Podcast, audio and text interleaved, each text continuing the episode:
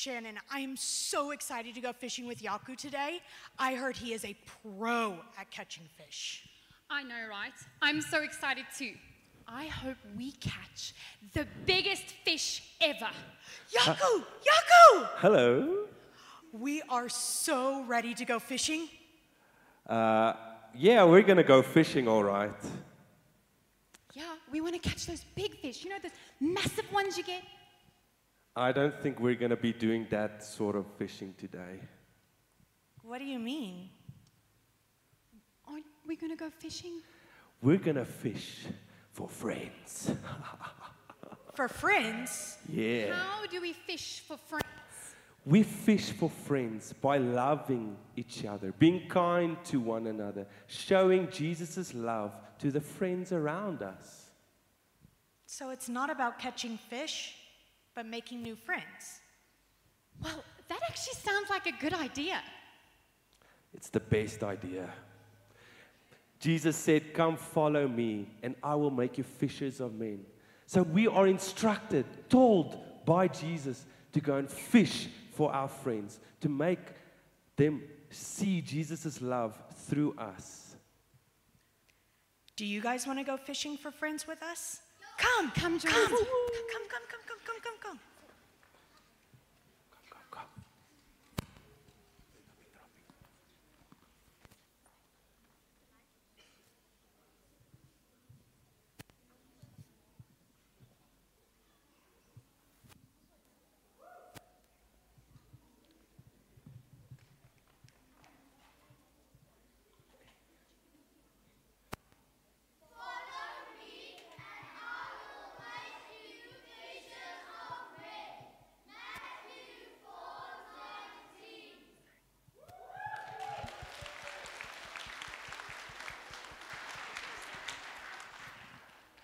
We are super excited to share with you a new project that we're doing in Kiddio this coming term. So, for those of you who don't know, we've been working through the Old Testament since the beginning of this year. Started in Genesis, and these kids have done so amazing and making their own chariot rides to creating long hair for Samson. And they've had so much fun doing it. So, recently we did a study in Ruth. And one verse that obviously sticks out and means so much to all of us is Where you go, I will go. Where you stay, I will stay. Your people will be my people, and your God, my God. So these kids are taking initiative to each choose a country that they will be praying for during the fourth term. We're having a big map put up in Kiddio, and each kid's name will go on a country. And a few of our kids have chosen today to share their countries with you. What country are you praying for? Greece. And what are you praying for? I pray that they come to follow God and that God will um, take care of them and they will live a great life. Come. What country are you praying for? India. And what are you praying for? I'm praying. I'm praying to them, them so they can can follow God and make the right choices. Wow. Jessica?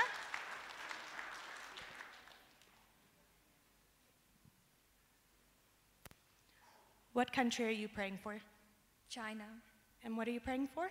for religious freedom uh, in China and for potential and growth for the Christian community.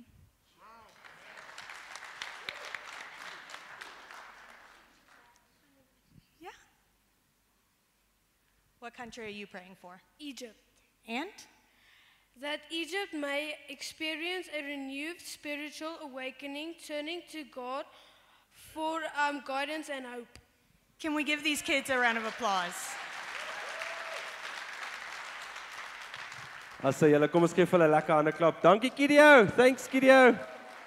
You guys are awesome. As hy gee hulle nog 'n hande klap julle. Awesome. Kom ons sluit ons oë. Kom ons sluit ons oë. Here, dankie vir 'n nuwe dag. Your mercies are new every morning. Lord, speak to us. Guide us.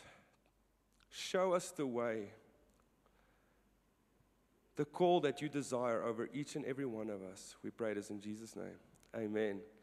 Amen. So ek wil sommer net vooraf onverskoning vra dat ek in my Saterdag klere preek vandag, maar dit uh dit add tot die uh drama. sien julle dit? Nê? Nee? Kyk. Ek wil graag open met hierdie um skrifgedeelte in Genesis 2 vers 18 en dit sê Then the Lord God said, it is not good that man should be alone.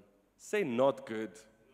Hey, dis nie goed dat ek en jy op ons eie is nie. Dis nie goed dat ek en jy ons paleise bou met ons heininge 3 meter hoog sodat ons almal kan weghou en die oomblik as iemand kom klop aan ons deur dan dink ons jy weet is of iemand wat die sensus kom doen of is 'n Jehovah's Witness of wie ook al jy's net nie oop vir mense rondom jou nie. Jo, die eerste ding wat God aanspreek in Genesis 2 is dat dit nie goed is vir mens om alleen te wees nie. It is not good that man should be alone. I will make him a helping helper to fit for him. So, my eerste punt vanoggend, ek en jy is gemaak vir verhouding. As God se plan net was, joh, ek het net 24 uur worship nodig, iemand wat heeltyd my aanbid en net goed is en net perfek is, dan het hy net gestop by Adam en net daar opgehou of dalk net gestop by die engele.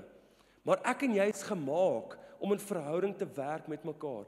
Dit is letterlik 'n uitlewing van wie God is, sy liefde. Ons lees mos dat God is liefde. Het julle al dit gehoor? God is liefde. Nou hoe kan ek liefde ekspres of uitoefen as dit nie vir verhouding is nie? My tweede punt is verhouding maak jou beter. Dit maak jou letterlik beter. In uh, Ecclesiastes 4 staan dit two are better than one because they have a good reward return for their labor. If either of them falls down, one can help the other up. But pity to the one who falls and has no one to help them up. Verse 12 Though one may be overpowered, two can defend themselves. A cord of three strands is not quickly broken. Kom julle ietsie agter van hierdie skrifgedeelte? Heeltyd is hy besig om te praat van twee. Jy weet die een maatjie help die ander een op. Die een maatjie help sodat hulle saam meer kan verdien in hulle labor. En dan ewe skielik aan die einde dan praat hy van 3. Weet julle wie's daai derde persoon in die verhouding? Dis die Here. Dis die Here wat ons sterk maak. So wanneer ons praat van reach the lost, is dit om te sê ja, julle 'n verhouding wat nie God behels nie. Wil ek amper sê is nutteloos. Ek moet God in daai prentjie inbring. Ek moet vir God deel maak van daai verhouding. Um en so daai persoon nader bring aan hom. Nommer 3, it saves people. Verhouding red mense. Jo, ek is weer eens net so geïnspireerd deur hierdie storie in die Bybel wat ons lees in 'n uh, oh, ek kan nou nie ek het nou nie die gedeelte gesave hier nie, maar hierdie storie van Saggeus en waar Jesus hierdie meeting met hom gehad het. Nou wil ek ek wil hê julle moet aandagtig kyk na hierdie gedeelte en en sien watse trigger woorde gebruik word in hierdie storie. Kyk hierso. Jesus entered Jericho and was passing through. A man was there by the name of Zacchaeus.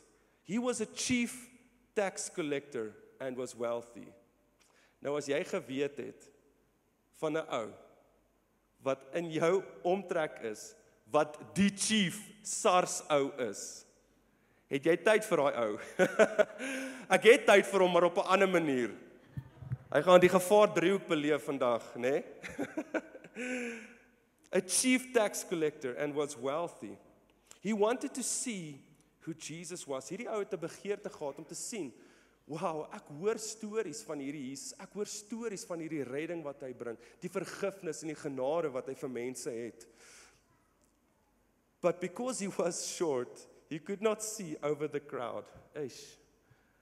Kort mense, die Bybel dink ook aan jou. so he ran ahead and climbed a sycamore fig tree to see him, since Jesus was coming that way. When Jesus reached the spot, He looked up and said to him, Zacchaeus, come down immediately. I must stay at your house today. Sjoe. Ek wil hê julle moet hier raak sien. Jesus het nie 'n one-liner preek wat hy gou vir Saggeus sê nie. Hy het nie hierdie preek wat hy net gou-gou net op hom wil download en dan gaan hy weer verder met sy journey nie. Hy sê ek moet by jou huis ingaan vandag. Ek moet by jou kom eet. Julle partykeer, ons maak die fout. Ons maak die fout om om mense wat ons weet verlore is net 'n Bible bash. Kom ek WhatsApp net 'n hierdie video wat ek weet ek dink aan daai persoon as ek dit kyk, o jene, miskien word hy nou gered. Miskien draai hy nou sy lewe na Jesus toe.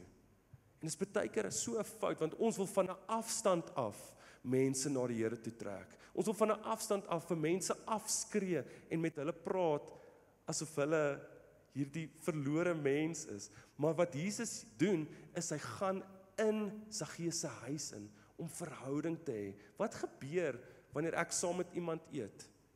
Ons kuier, ons praat, ons praat deur die lewe. Ons ver verantwoordelikheid in die verhoudings rondom ons is om te kyk, hoe kan ek 'n dieper koneksie met mense rondom my maak sodat hulle Jesus in my kan raak sien.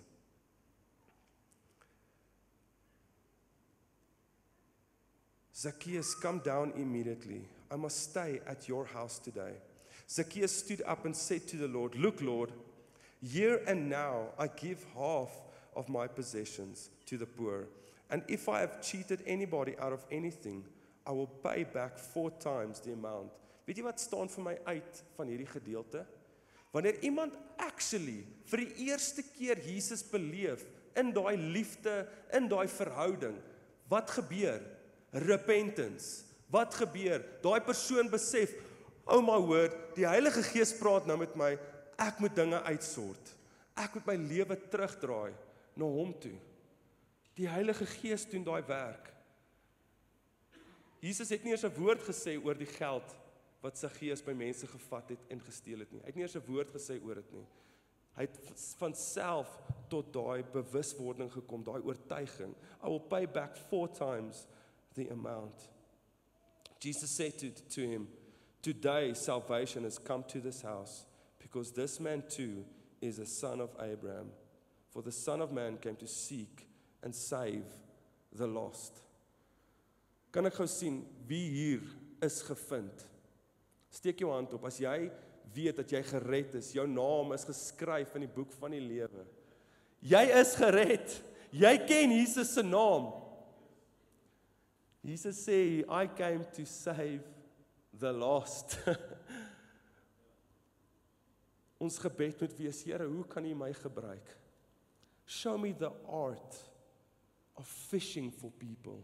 Show me the skill. Teach me in your ways. How can I lead people to you? En ek weet soos ons ver oggend hier sit, is daar baie mense in jou sirkel, in mense in jou um omtrek, verhoudings wat jy het wat nie Jesus se naam ken nie, wat nie en as ek dit sê, bedoel ek die goedheid van sy naam, die krag van sy naam, die reddingskrag van wie hy is. Ken hom nie. Net daar waar jy is, wil ek jou vra, kom ons sluit ons oë. En ek wil hê jy moet aan daai naam dink vanoggend. Dink aan daai naam. Vir my is dit François. Ek gaan dit sê. François, ek bid vir jou. Here, gebruik my om nader aan François te kom. Here, gebruik my. Miskien moet ek na sy huis toe gaan en met hom Jesus se liefde deel.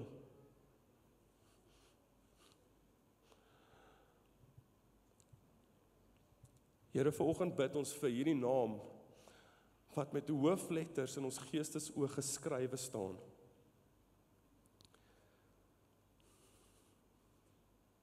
En ons sê, "Here I am, Lord, send me. Use me, your humble servant. I am yours."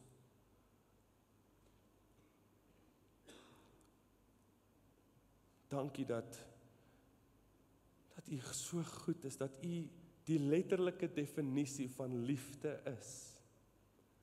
En wanneer ons mense na U toe draai, is dit die beste plek waar hulle kan wees. Die maklikste plek waar hulle kan wees. Here, ek bid vanoggend dat U ons sal bemagtig, gee ons 'n vars perspektief om met mense rondom ons u liefde te deel. Mag daar nie 'n twyfel wees in die mense rondom ons dat ons in 'n verhouding met U staan nie. Ons bid dit in Jesus naam. Amen.